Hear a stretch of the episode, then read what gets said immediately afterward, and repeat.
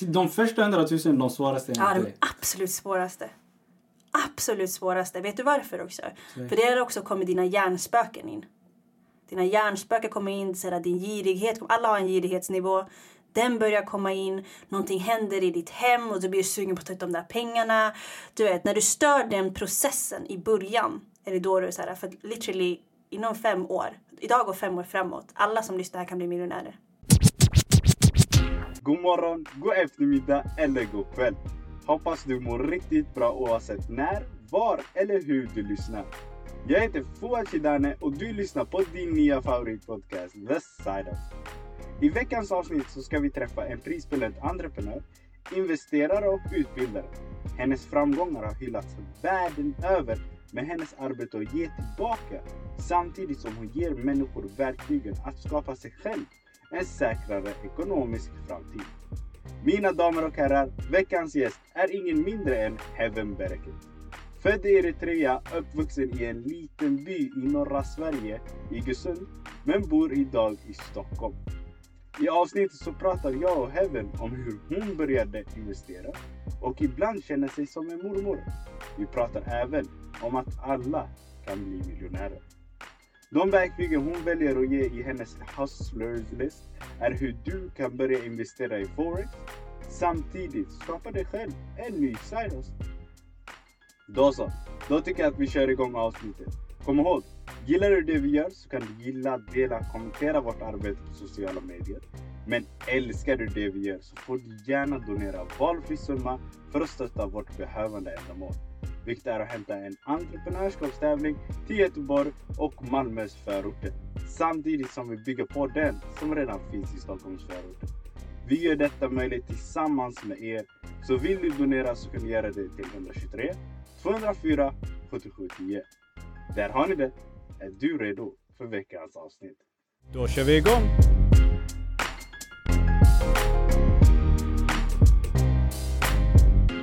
Varmt, varmt, varmt välkomna tillbaka till ännu ett avsnitt av The Side Hustle.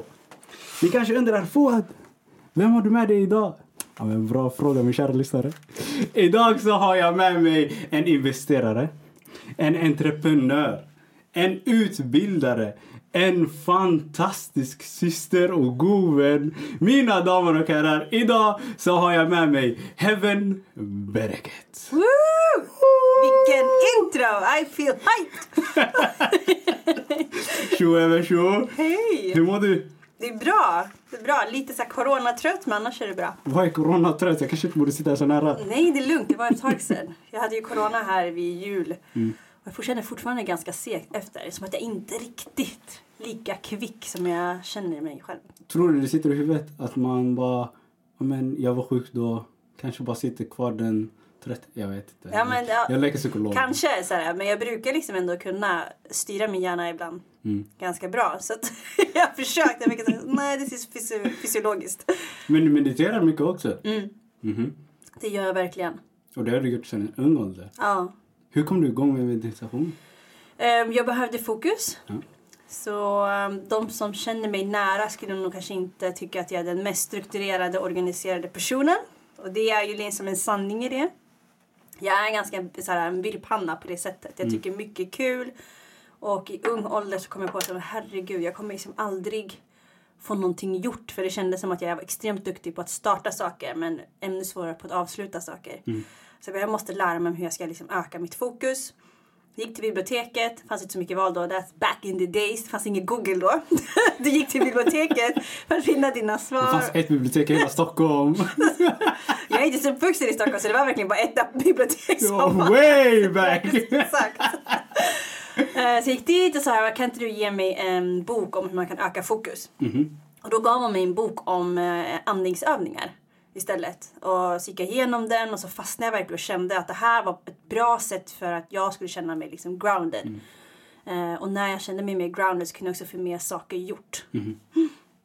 Så det, det märks om under någon dag jag inte har hunnit meditera kan jag säga. Men rätta mig om jag har fel. Detta var när du var 14 år gammal. Du gick i åttan. Ja, för att mitt mål var, Var ju... du så stressad i åttan? Ja, alltså min stress låg i att jag vill inte vara kvar. Jag är uppvuxen i Iggesund. Så att eh, det är en liten by Och när man väl ska börja gymnasiet så kommer man till en lite större by. så, by. ja men precis. Så då fick Det man är ta- norra Sverige, eller hur? Ja precis, så då tar man en skolbuss på ungefär en mil, en och en halv mil. Så det var ju också så här, tank, min stress låg i att jag kanske inte får tillräckligt mycket betyg bara för att jag inte kan fokusera.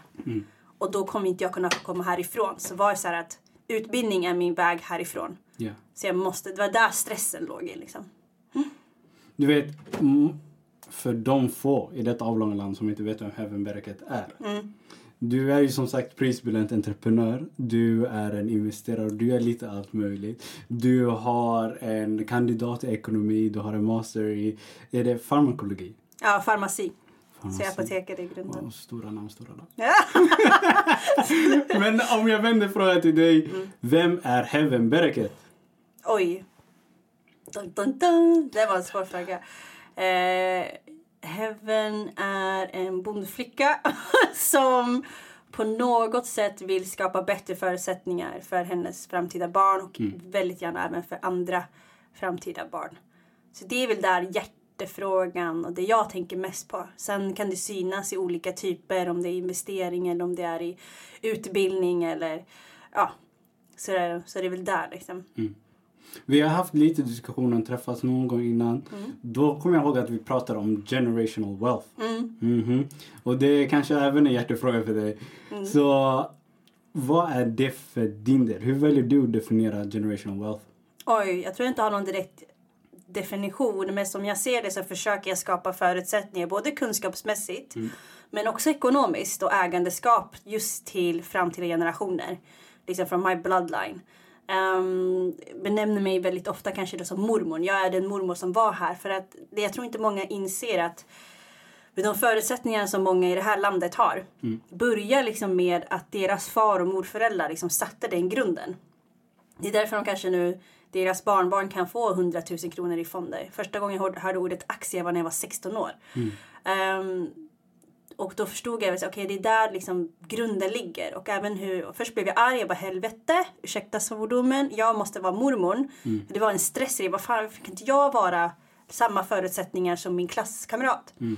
Ehm, och sen insåg jag, men vet du vad, det är bara att acceptera så är läget. Sen har ju tack vare teknologin gjort att du vet, man kan ju få extremt stora resultat på betydelse. Jag behöver inte vara mormor idag. Idag kan jag vara den mamman jag faktiskt är. Ehm, så det, det, det är inte bara att jag måste liksom kriga och spara och du vet, utan jag kan lika väl mycket njuta också just tack vare teknologin. Som underlättar en hel del av den här processen. Att se till att man både har kunskap till hands men också att man kan öka liksom sitt ägandeskap och det är liksom finans då på det sättet. Men var det tack vare teknologin som du redan vid 16-årsåldern fick hitta aktier, väcktes intresset direkt? Du bara, ja aktier, Mm. let's go! Eller hur var det där? Nej men det var ju en lång resa för att det var ju också många Det var först var det resa på att försöka hitta informationen. Och då var det så, vem ska man prata med? Så jag pratade med någon på banken och jag pratade med några kompisar som skulle få de här 100 000 kronors fonderna. Ehm, jag försökte söka väldigt mycket, man gick till biblioteket där back in the days också. Sökte på alla möjliga olika vet, människor går sökmotorer. fortfarande till bibliotek alltså. Gör de det? Alltså, I don't know. Kanske inte samma, men då gick man dit för att jag skulle, liksom, jag skulle söka på någonting. Nu ser man ju googla, men då var det att man sökte på olika typer av sökmotorer. För att hitta, jag sökte allting från passiva inkomster, ägandeskap, hur köper man en lägenhet, liksom allt. Ehm, och där någonstans, så det tog ändå lång tid innan jag kanske själv tog det stora klivet. Utan valde att gå först liksom via banken eftersom det kändes tryggt. Det kändes som att jag visste vem jag kunde prata med någon direkt. Och sen börjar man ju liksom sakta men säkert träffa fler människor som gör på helt andra sätt. Jag träffade folk som minade bitcoin. Jag träffade folk som vet, tradade på aktier och optioner och krypto och forex. Alltså du vet, det bara ökade. Och på den vägen är. Och fortfarande finns det ännu fler typ, olika sätt som jag inte riktigt har koll på. Vissa är ju alltså, otroligt duktiga på att bara köpa massa fastigheter och hyra ut och där på det sättet lever de. Byggt sin förmögenhet så. Ja, precis. Så att, eh, sen har väl när jag väl har lyckats, när jag väl hittat det som jag känner funkar för mig. Har det då blivit en annan stress och det är hur jag förvaltar den här informationen till nästa generation. Vi alla har ju hört talas om det, ja, men de här kändisarna som får x, x miljoner liksom, dollar och bränner upp det på en dag. Jag bara, vilket waste! 100%. Om mina barn får sina pengar. I will och så- chase them! Precis! Så då började den stressen komma och då blev det liksom utbildning. Om hur utbildar man någon kring det här? Eh, ja, det här är ju som ett eget driv jag har kommit med. Men hur pratar andra föräldrar och andra mor och farföräldrar om pengar? Mina föräldrar gav mig mer som en chock och gav mig omedvetet ett tanke som att pengar var någonting begränsat. Så det är mycket sådana osanningar som man har eh, i sitt huvud också. Jag kommer ihåg en gång när min pappa så här, bara satt där med mamma och så bara okej okay, Heaven han gav mig, det här var ju back in the days också, då gick man till ett postkontor. Det var massa som hände back in the days alltså. Men det är många sådana crucial moments som man har i sitt liv som man har med sig lite Mm. forever. Så då gick man ju till ett postkontor för att betala sina räkningar. Jag kommer ihåg att mina föräldrar gav mig bunt med sedlar, alltså det var helt sinnessjukt, så här stor bunt med sedlar. Jag bara what? Och så ett papper som man skrev, du går bara, gå till postkontoret, Mhm. de pengarna som du får över, de blir dina. Alltså jag var överlycklig, jag bara wow. I'm gonna be rich! Så jag sprang till postkontoret och då har jag sett att betala vid räkningar så jag betalade räkningarna och så fick jag en femma tillbaka. Det är så här, Mm. jag bara va? Allt det här som mina föräldrar kämpat, de får en femma tillbaka. Och det är så här, jag förstod vilken läxa de försökte lära mig, typ så här, ta hand om dina pengar. Men för mig blev det så här, gud pengar är begränsat. Eh, så det är också många så osanningar så, att man inte ger, ger sådana osanningar till sina barn heller. Så här, utan du kan faktiskt skapa den här verkligheten. Men pratar ni om pengar hemma? Ja, verkligen. Jättemycket. I den formen av att det är någonting som de rika har, de rika är på ett visst sätt. Eller pengar är någonting som kan bygga upp din framtid och ge dig den framtiden du söker. Eller vilken aspekt var det? Ja, så när min stress började där så det var en blogg som jag följde med. Jag rekommenderar den många gånger även på mina sociala medier som heter Rika Tillsammans. Och han fick ju själv barn och fick den stressen också på hur ska han lära sitt barn om det. Så han skrev en bok som heter Gör ditt barn rikt. Så, som jag tycker att även man som vuxen har man inte riktigt pratat om ekonomi på det sättet ehm, och förvaltning och på det sättet med sina föräldrar så tycker jag att man ska, till med, man ska läsa den boken för att det är som att utbilda det lilla barnet kring just hur man kan förvalta pengar, hur kan vi prata om pengar. Så genom den boken så använder jag jättemånga av de metoderna. Till exempel när min son, han är snart sju. När han ska försöka förstå pengar så är ett tips att man ska försöka prata i deras valuta. Min Vad är son, det då? Ja, men så att, ja, de har ju liksom inte en koncept vad en krona eller en femkrona är. Men min son kan, för, kan förstå hur mycket, så här, hur många klubbor kan jag få av 10 kronor. Jag hör dig. Ja, så att nu när han liksom får sin veckopeng och han får tänka över du har de här fyra alternativen med dina pengar. Vad ska du göra? Ska du, vill du investera dem? Vill du spara dem? Vill du donera dem? Eller vill du köpa någonting med dem? Då kan han liksom, nu kan han gå in i en affär och säga okej, hmm, 500, ja mamma jag tror att Okej, nej men då är det ju, oj det är tusen klubbor. Nej, ja det var mycket. Då kan han förstå konceptet och ta ett eget beslut. V- Tycker jag att det här är värt eller inte? Och så någonting, ja men jag tycker att det där är värt mamma. Så bara okej, bra, då vet vi det. Och så bara det här hjälpande, hur tar man beslut kring bara sådana saker. Ehm, så att vi får se, vi får se när de blir större. om, man, om man har lyckats. Men vi försöker. Men din dotter, är, din dotter är några år äldre. Hur Mm. ser det ut för hennes del nu? Pratar man fortfarande i klubbor eller har ni gått över till att titta på aktier och liknande också? Ja, hon har börjat lite med aktier, lite med ägarskap och då har hon, där är också strategier också börjat prata om vad det är. Ja. Ehm, och nu har det blivit att hon väljer de aktier som hon tycker att hon inte får tillgång till idag. Typ jag vill inte att mina barn ska dricka så mycket läsk så en av hennes aktier är Coca-Cola. Vilket har nog gått bra men, liksom men att man ändå får prata om det och får ta ett beslut om vad vill ska lägga eh, sina pengar kring. Ehm, nu är väl hennes nästa steg, det så, ja, men du vet, få ett eget bankkort och konto och du vet. Så hon kan budgetera lite grann. Ja, kanske börja lära sig lite mer om budget och sådär. Så det är nästa steg vi ska försöka få in det här året.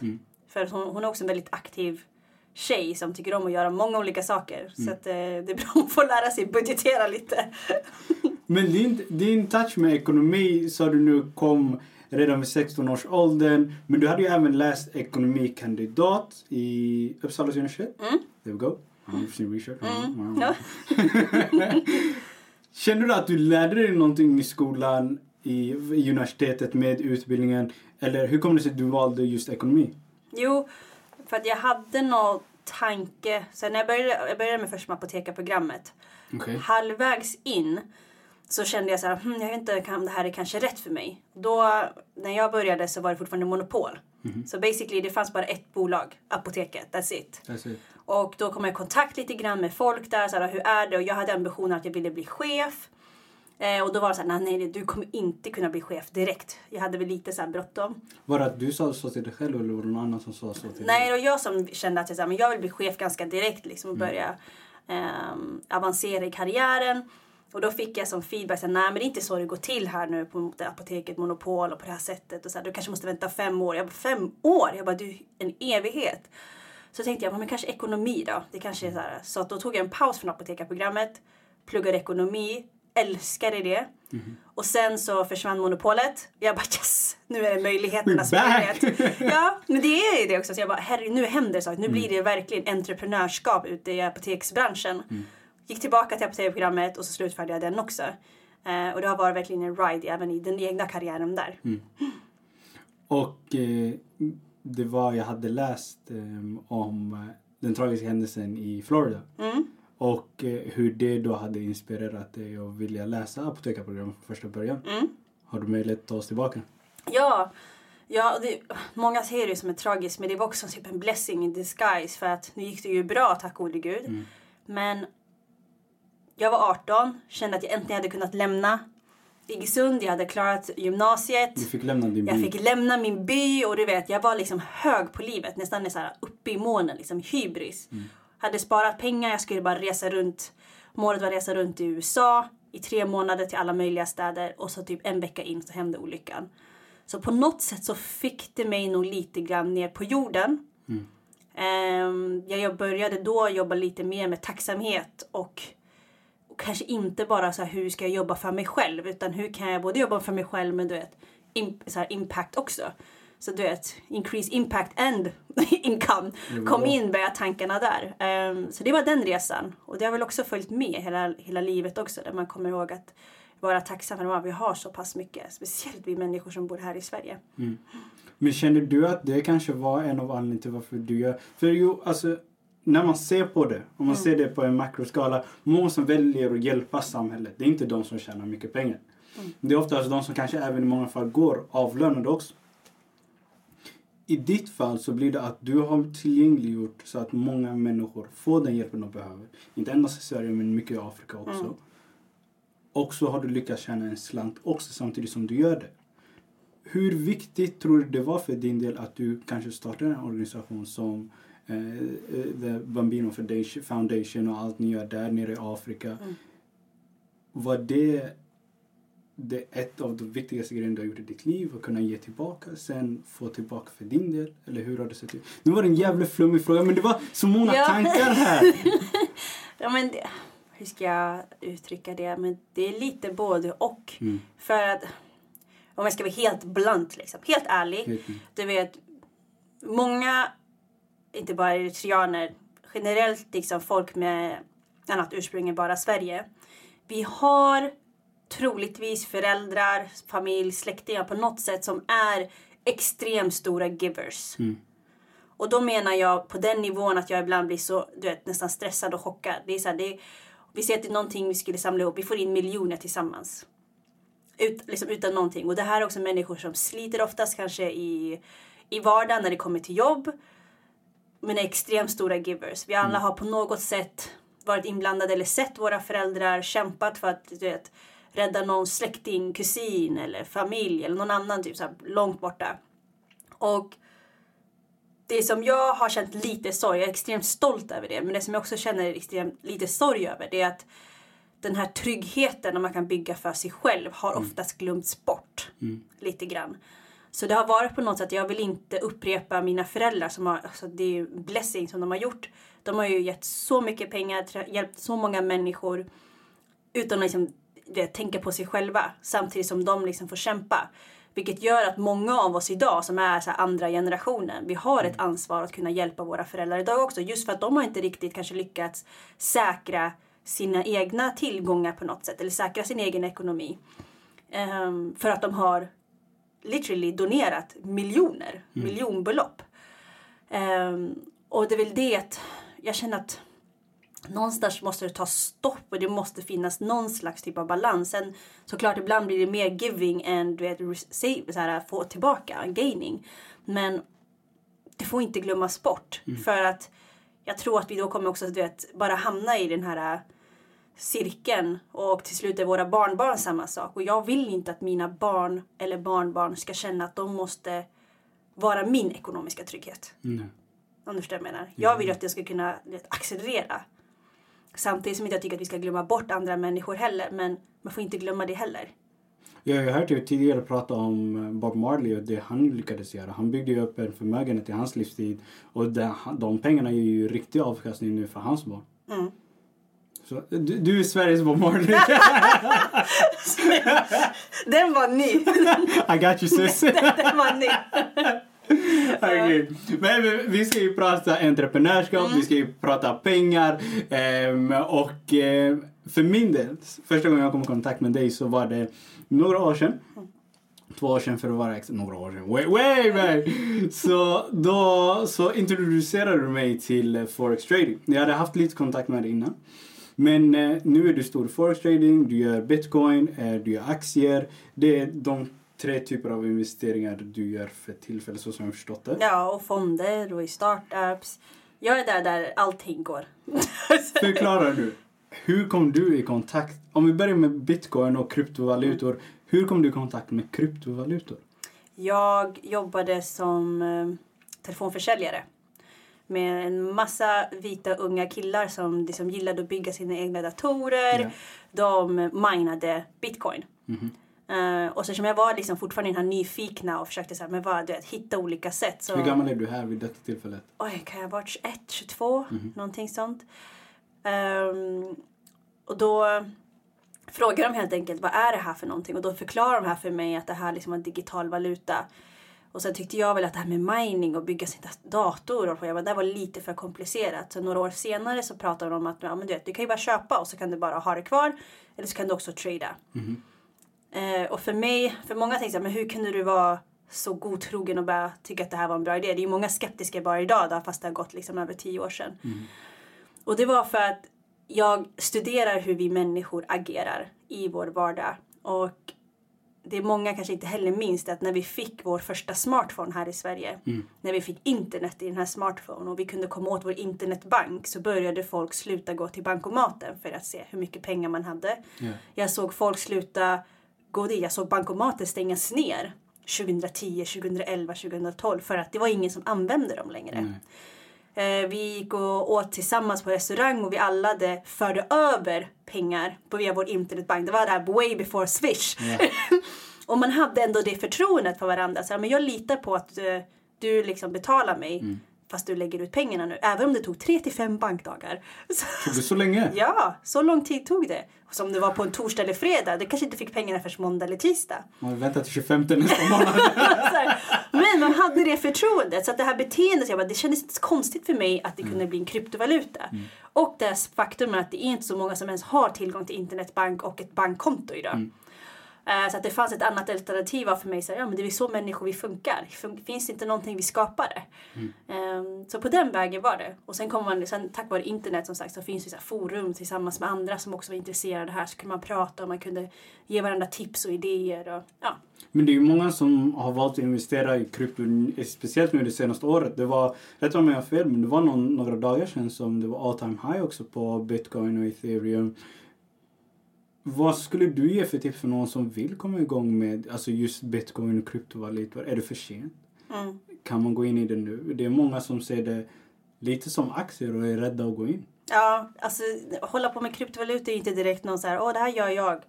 Först och främst ska jag bara titta, har du liksom ditt andra ekonomiska stödsätt? Sen om du vill ändå liksom ge dig in på att äga någon typ av kryptovaluta, då kan du absolut köpa. Det finns ju allting från olika plattformar, men se till att de är liksom bra plattformar som har funnits länge. Så vi har ju Binance, vi har Coinbase, vi har Kraken, ehm, som gör att du kan bara köpa, vi säger för tusen kronor, sen har du det bara. Så finns det bra artiklar på hur du ska förvara det, se till att du har gjort det rätt och så. Har man frågor får man väl fråga någon, mig eller någon annan i, i det här communityt som ändå är i Sverige. Eh, men det är liksom inget så här första steg Nej. om man tänker så här I'm gonna be rich liksom. Eller så det här ska förändra mitt liv. Utan det är liksom det kryddan på liksom en ekonomi skulle jag säga först nu. För man fortfarande kan räkna med att det kan försvinna helt och hållet. Så det finns ju många andra steg innan. Så här, men sen så här, nej men okej tusen kronor kan jag liksom avvara. Händer det så händer det inte. Ja men då fine. Is what it is. Ja. Så att, eh, det, det är kanske inte så många som kan äga en hel bitcoin men det finns en bit, en fraction av det som kallas för sat- satoshis. Eh, och visst, folk säger att ja, men nu är det för sent och det är så här, ja men du vet. Oftast är det Oftast öppnar folk ögonen när det har blivit så all time highs och då media börjar skriva om det sådär. Sen vet vi inte, det kan krascha igen som det brukar göra. Det har varit så, det kraschar, inte helt utan den, liksom, den faller ganska pladask och det är ganska volatilt. Och sen går det upp igen. Hur är ditt mindset där? När det väl kraschar, när det väl blir en nedgång. Mm. Hur väljer du att tänka då? Jag köper mer. Let's go! Let's go! Men, det är så här, men då har jag också hållit på med det här sedan jag var 15. Du vet Och jag är det är. 33 idag. Så det, är liksom, det, är, det är många år som jag verkligen du vet, försökt suga upp så mycket information som möjligt. Och, ehm, så att, och jag har ändå så pass ekonomiskt tryggt att jag kan du vet, förlora allting om det så det är lugnt. Eh, så ser det inte ut för de flesta. Så där är det som att bara så här, se till hur det ser ut med din inkomst och utgifter. Lär dig budgetera, sätt upp din privata ekonomi. Sp- Du vet, alla, om du jobbar så har du säkert någon en sån pension. Har du koll på din premiepension? Där kan man också placera i fonder. Så det är bara, bara där är det, som, det är så mycket kunskap runt om just ekonomi som vi tappar. Vad, vad är det som får dig att känna be, alltså, behovet, behovet? Kanske känna att du vill hjälpa till och hjälpa och utbilda. Du kunde ju tagit de pengarna du har lärt dig, alltså de pengarna du har lärt dig tjäna, du bygga på din egen ekonomi och köra ditt egna race. Vad får dig vilja lära ut och bli en utbildare? För att jag vill att vi fler människor ska älska pengar. Jag tänker ju fler goda människor har access till Tror du att pengar. människor älskar pengar? Jag tror många människor har en negativ bild kring pengar. Ehm, Hur tänker du då? Många tänker att det är begränsat. Många tänker att, jag blir, att det är en, en girig människa om jag tycker om pengar. Många får ångest, stresspåslag bara att de ser ett, liksom, en faktura. Alltså det är många så konstiga som vi har fått med oss. Så jag vill bara få fler goda människor att ha mer access till pengar och känna sig trygga kring det. För jag tror att vi kommer göra fler goda saker då. Och jag tror alltid på att liksom, if I win, everyone wins. Liksom, vi måste vinna tillsammans. Ehm, det, är liksom, det finns kraft i att vara tillsammans. Det har jag ju sett i andra. Jag har ju inte kommit så här av mig själv. Utan det är också för att jag har varit öppen och frågat och försökt vara nyfiken så mycket jag kan. Och, det. och tack vare tekniken idag, med alla sociala medier, det är inte så svårt idag att höra av sig till folk. Bara, Hej du, jag såg att du håller på med det här. Vad tänker du kring det? Folk är oftast väldigt givmilda när det kommer till information. Ehm, för man vill ändå att fler ska liksom vinna. Det blir också, det påminner väldigt mycket om eh, tänket från Richard Poor Dad. Där han pratar om när du väl vill köpa någonting, tänk inte om jag har inte råd. Se det mer som, ja, men, vad är det jag behöver göra för att bygga på min ekonomi för att kunna köpa det? Vad är det jag behöver sälja? Hur många klubbor behöver jag sälja för att kunna nå till den positionen jag har tagit mig dit? Men du kör ju inte endast krypto. Du kör ju även valutahandel. Forex trading. Hur kom du i kontakt med det då? Ja, men det var nog i samma veva för att själva tradingen är ingenting eh, det är ingenting nytt. Nej. Så folk har tradat i flera år. Så vi människor har tradat. Tidigare handlade vi liksom mot vad vi hade. Ris mot, eh, vet jag, mot potatis eller Ja. whatever. Så det, det är vanlig Människor becknade potatis. Ja, precis. Så det har varit, det så här, vi har tradat i alltså, flera tusen, nu, tusen, tusen, tusen år. Mm. Sen med tekniken så har ju med trading kommit in att bankerna börjar trada med de pengarna som vi har där. Ehm, så att när jag började så här, kolla på det här med trading, det som var intressant för mig det var så här, att man kunde också tjäna pengar fast liksom, priset gick ner. Vilket för mig var så här, det är totalt tvärtom än vad jag har lärt mig. Så då började jag söka efter folk som har tradat. Tradat aktier, tradat optioner. För optioner var liksom kryptovalutor back in the days. Det, var, det ansågs liksom så här, the dangerous thing. Um, idag tycker inte folk det. Idag har vi kryptovalutor som är alldeles för nytt och främmande. Hon har liksom. nästan blivit typ motsatsen. Ja. Men också det som kanske är säkert ibland. Ja, Och men då när det väl började så ansågs det, för jag har ju pratat med folk som har tradat i så här 25 år, 35 Mm. år. Då var det när de började trada med optioner, då fick de samma motstånd som eh, de folk som tradar med kryptovalutor. Ehm, ja.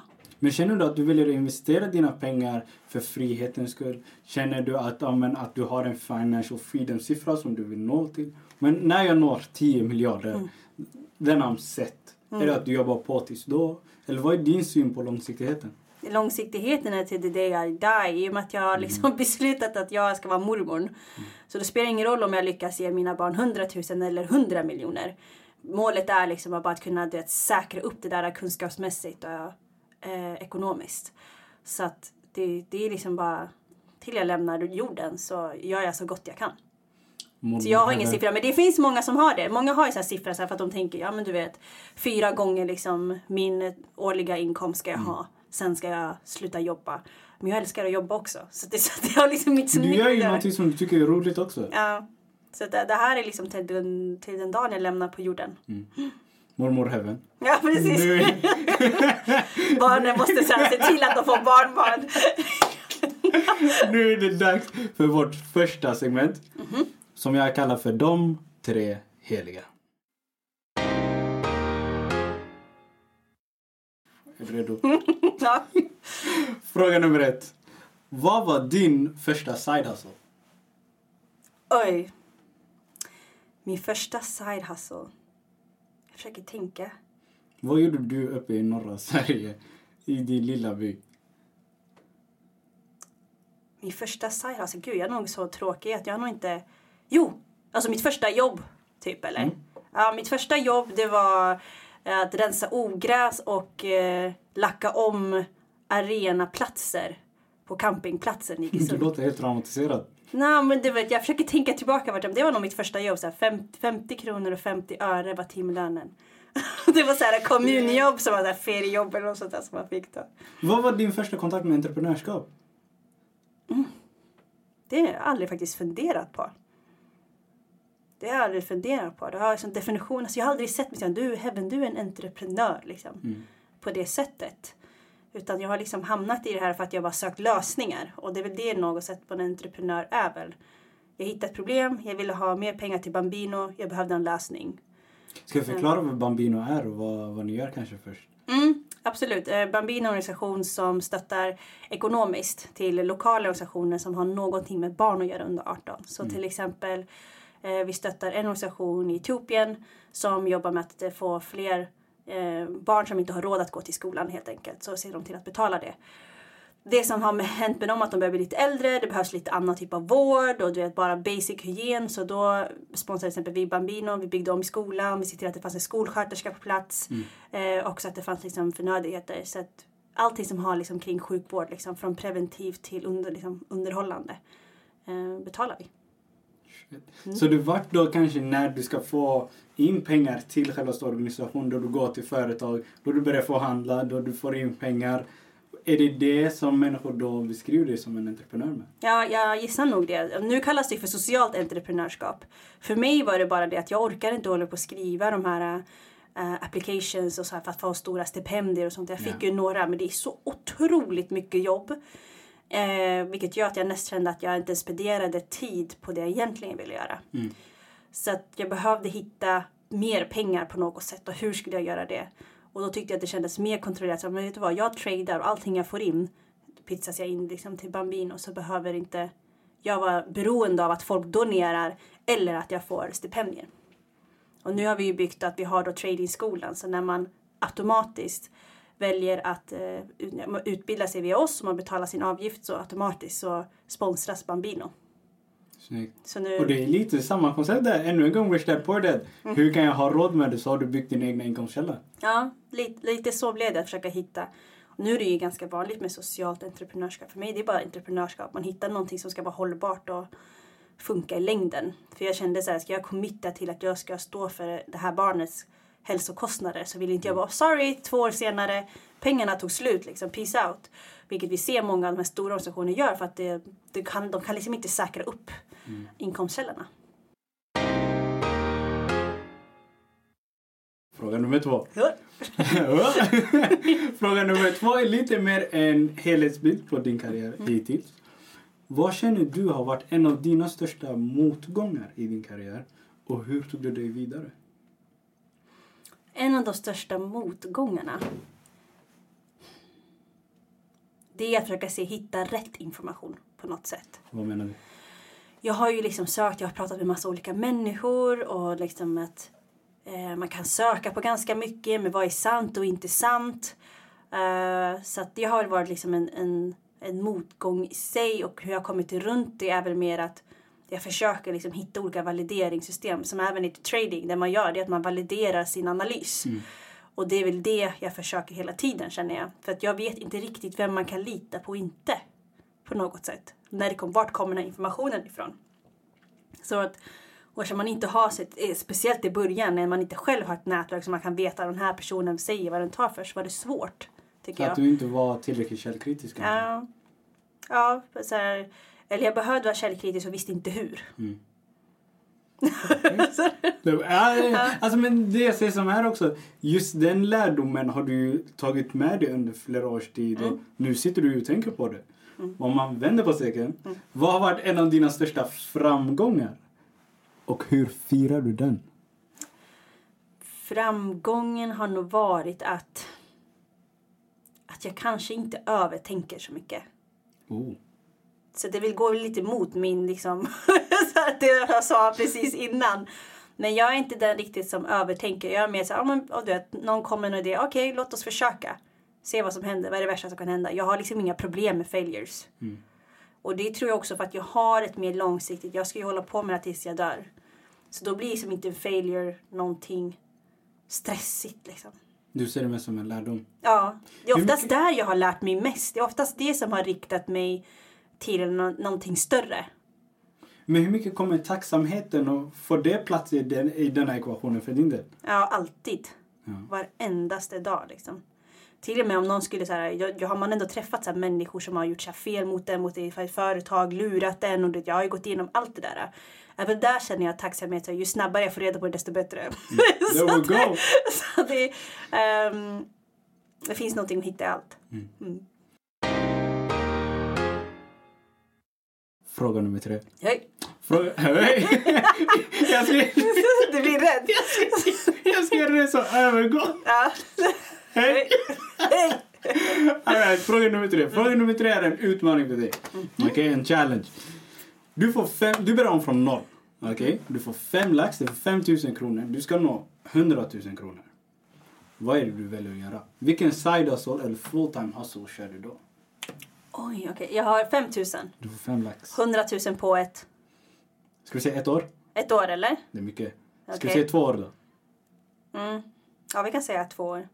Ja, den var svår. Mm, 5 000 idag så kanske jag känna så här, men vet ni vad? För nu får inte någon ta det här som en finansiell rekommendation och anmäla mig här. Så här, be nice! Använd inte det side hustle det beror, det beror liksom inte på, är 5 000, är jag extremt beroende av dem eller inte? Jag tänker så här, äh, alltså, Alltså låt säga din hyra är betald, det är Ja, betalt. Så, så jag kan förlora de här basically. Ja, men Ja. du behöver fortfarande nå 100 000 kronor. Ja, Hur gör du då? Då skulle jag nog ungefär, tror jag, 40, 40, 20 hade jag nog lagt. Så 20 fonder, 40 aktier, 40 krypto. 40 krypto. Vet du vad? 30 krypto, 10 guld. Kanske silver också. Men du skulle investera allt. Mm. Alltså hur jag delar de här 5000 kronorna. Ja. Och då får jag bara välja en eller? Nej, du får Nej. göra hur mycket du vill. Ja, så hade jag nog gjort. För vissa människor har tagit att de har varit investerare precis som du gjort. Mm. Vissa har köpt utrustning och gått och gjort konsulttjänster. Mm. Vissa har gått och skolat om sig, köpt kurser och lite allt möjligt och blivit IT-ingenjör. Okej! Nej, jag hade, bara, jag hade bara lagt in det. Okej, men nu har du, nu leker vi med tanken. Du har nått 100 000 kronor. Mm. Vad gör du för att gå från 100 000 till en miljon? Mm. Jag hade nog fortsatt på samma. Jag hade kanske ombalanserat lite grann beroende på utkommet. Vad som, hur det hade sett ut. Är det krypto som gjort bäst? Eller är det guldet som gjort bäst? Eller, eller fonderna? Eller ja, sådär. Men eh, det som är så nice är att man har ju liksom ränta på ränta effekten. Normalt sett, mm, ja, investerar man bara en gång kanske det tar lång tid. Men investerar man liksom varje månad så inom två till tre år så har du börjat få ränta på ränta effekten. Så när du väl har nått dina 100 000 att nå en miljon är det lättaste. Det är att uppnå till 100 000 som är det absolut svåraste. Tycker du? Det är det. Att gå från en miljon Att till gå- 10 miljoner då? Nej, det är samma sak där. När man väl har kommit över den där gränsen. De första 100 000 de svåraste Ja, de absolut svåraste. Absolut svåraste. Vet du varför också? För det har också kommit dina hjärnspöken in. Dina hjärnspöken kommer in, så där, din girighet. Alla har en girighetsnivå. Den börjar komma in, någonting händer i ditt hem och du blir sugen på att ta ut de där pengarna. Du vet, när du stör den processen i början är det då du så här, för literally inom fem år, idag och fem år framåt, alla som lyssnar här kan bli miljonärer. Hur religiös ska man vara med de första 100 000 då? Hur religiös, hur tänker du då? Alltså hur trogen och ska man vara och lojal och disciplinerad? Lojal, disciplinerad it's gone. Det finns inte i din närhet. När du väl har gjort det och du liksom, säg att du lyckas göra bara några att lägga undan tusen kronor varje månad i tre år.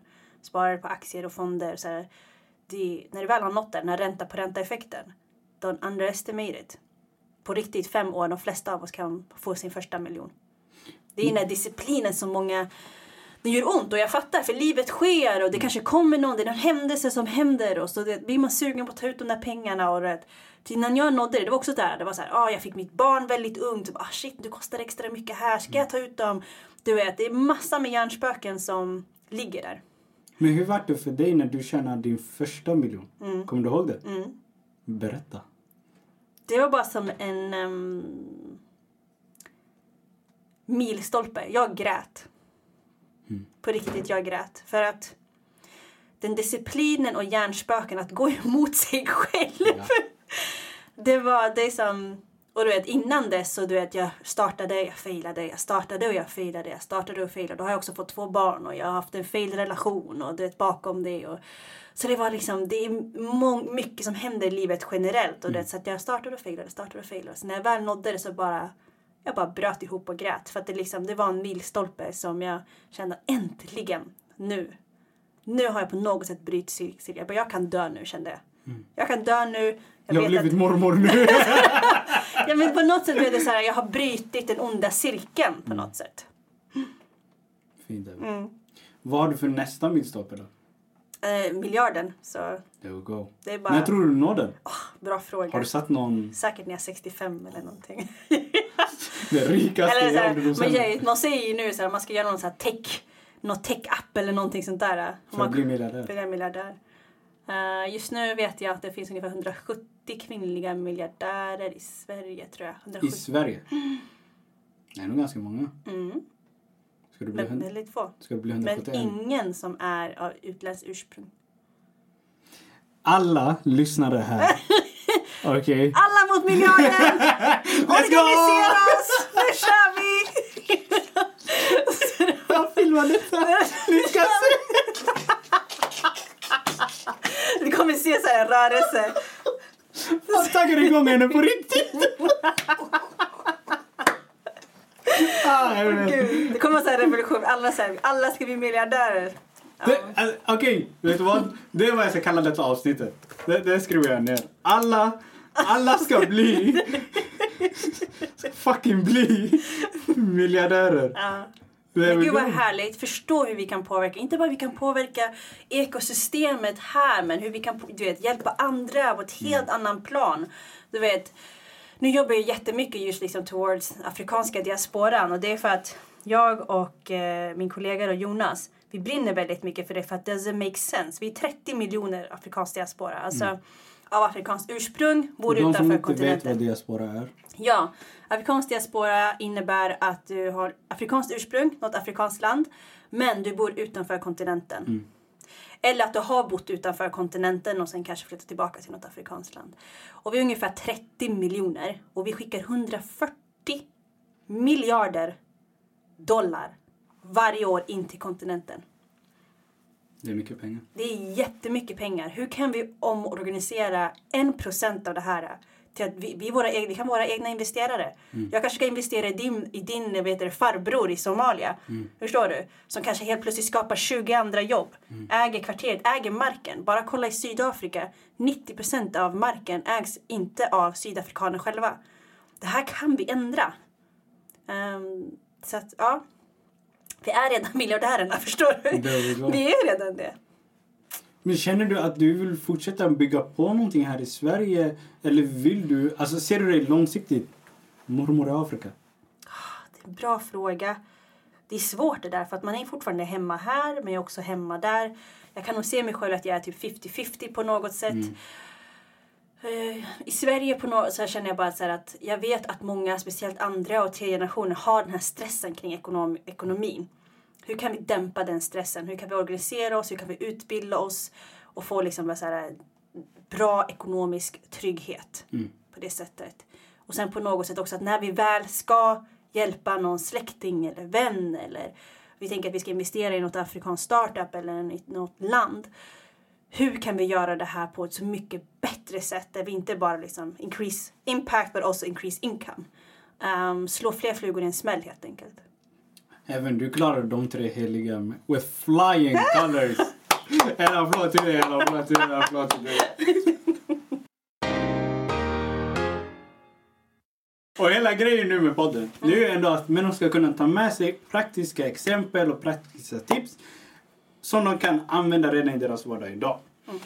Och det vi pratade om lite innan det var att din hustlers list som, är fem, som består av fem punkter ska vara fem punkter på hur man kan komma igång med forex trading. Okej. Mm. Okej? Så är du redo? Mm. Heaven Baraket, din hustlers list. För forex trading. Exakt. Ett, skaffa ett eh, TradingView-konto. Det är helt gratis. Se det som Facebook för traders. Där kan du följa olika traders, du kan följa olika valutor, där kan du göra analyser. Två, DM med mig så kommer du få min bok gratis. Boom! så att du kan faktiskt också utbilda dig. Tre, Vad heter du på Instagram? Du kan inte flyga Ja, just det. In tune with heaven. Tune hela, man måste tydligen skriva hela för att det ska synas. Jag vet inte. Så ledsen. Jag vet inte. Det var så svårt att få dem att finnas. ju. De exotiska namn. Ja. Tre. Eh, skapa ett ehm, brokers account. Det är typ som en internetbank. Eh, och där kan du öppna som ett demokonto. Så ett, ett konto fast med låtsaspengar. Och börja liksom träna på att hur man lägger in trades. Hur man använder appen. Ladda ner MetaTrader 5 eller 4 beroende på vilken smartphone du har eller om du, på vilken dator du har. Eh, vad är jag på? 4, 5? Ja, fyra. Så du har nu i tvåan gett din bok. Sen i trean har du, man startat brokerage account. Och fyra, joina vår gratis telegramgrupp. Ja. Ladda ner telegramappen. Du gör det med din mobilnummer. Och sen går du med i vår gratisgrupp som heter Buno Pips. Vi ger gratis analyser varje söndag natt. Skickar jag dem. Och vi skriver ner detta i beskrivningen, så gå och kolla i beskrivningen.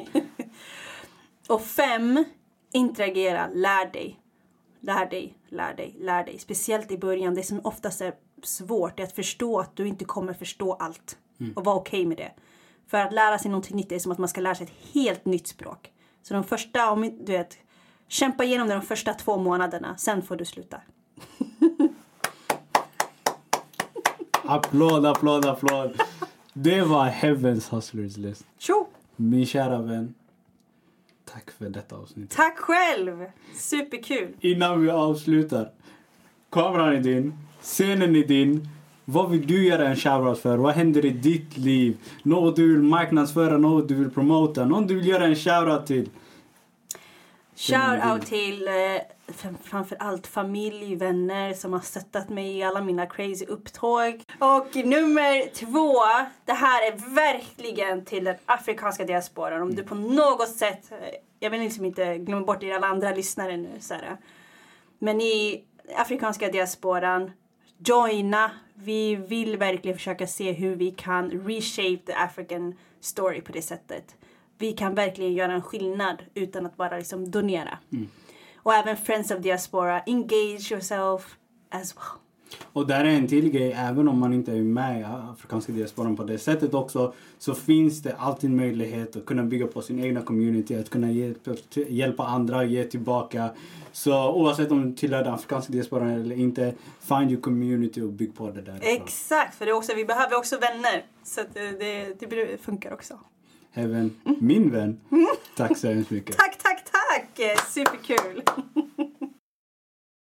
Kära side hustlers och fulltime hustlers. Ni har lyssnat på The Side Hustle med mig, Fouad Shedane. Teamet består av Ottilia Tuneroth, Beatrice Ha och Heidi Botic. Originalmusiken gjord av Kevin Rastenberger. Tillsammans med er lyssnare ska vi samla ihop en miljon kronor till förorten. En entreprenörskapstävling som vi ska ta till Göteborg och Malmös förorter. Until next time, ha det så bra!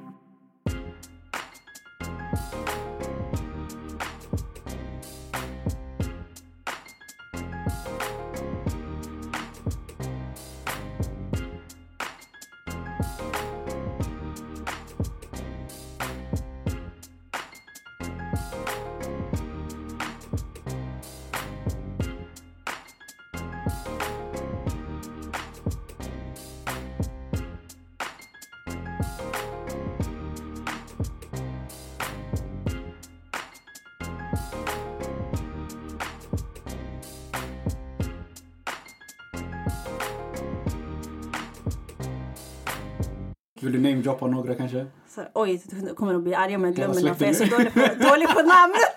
Put me on Förlåt, that shaming list. Shit. Klipp, vi klipper här! I'm trying to put me on the shaming list. Fan, hon blev röd! Jesus! Help me! oh, gud. Okej. Cut! Okej. Skärp dig nu. Kom igen, vi är snart klara. Okej, vi kör, vi kör. Kära side hustlers och full-time hustlers. Ni har lyssnat på The Side Hustle med mig, Fouad Shedane. Teamet består av Ottilia Tuneroth, Beatrice Ha och Heidi Botic. Originalmusiken gjord av Kevin Rastenberger. Tillsammans med er lyssnare ska vi samla ihop en miljon kronor till förorten. En entreprenörskapstävling som vi ska ta till Göteborg och Malmös förorter. Vill du ha mer information gå in på www.thesidehustle.se eller besök The Side Hustle Sverige på våra sociala medier. Until next time, ha det så bra!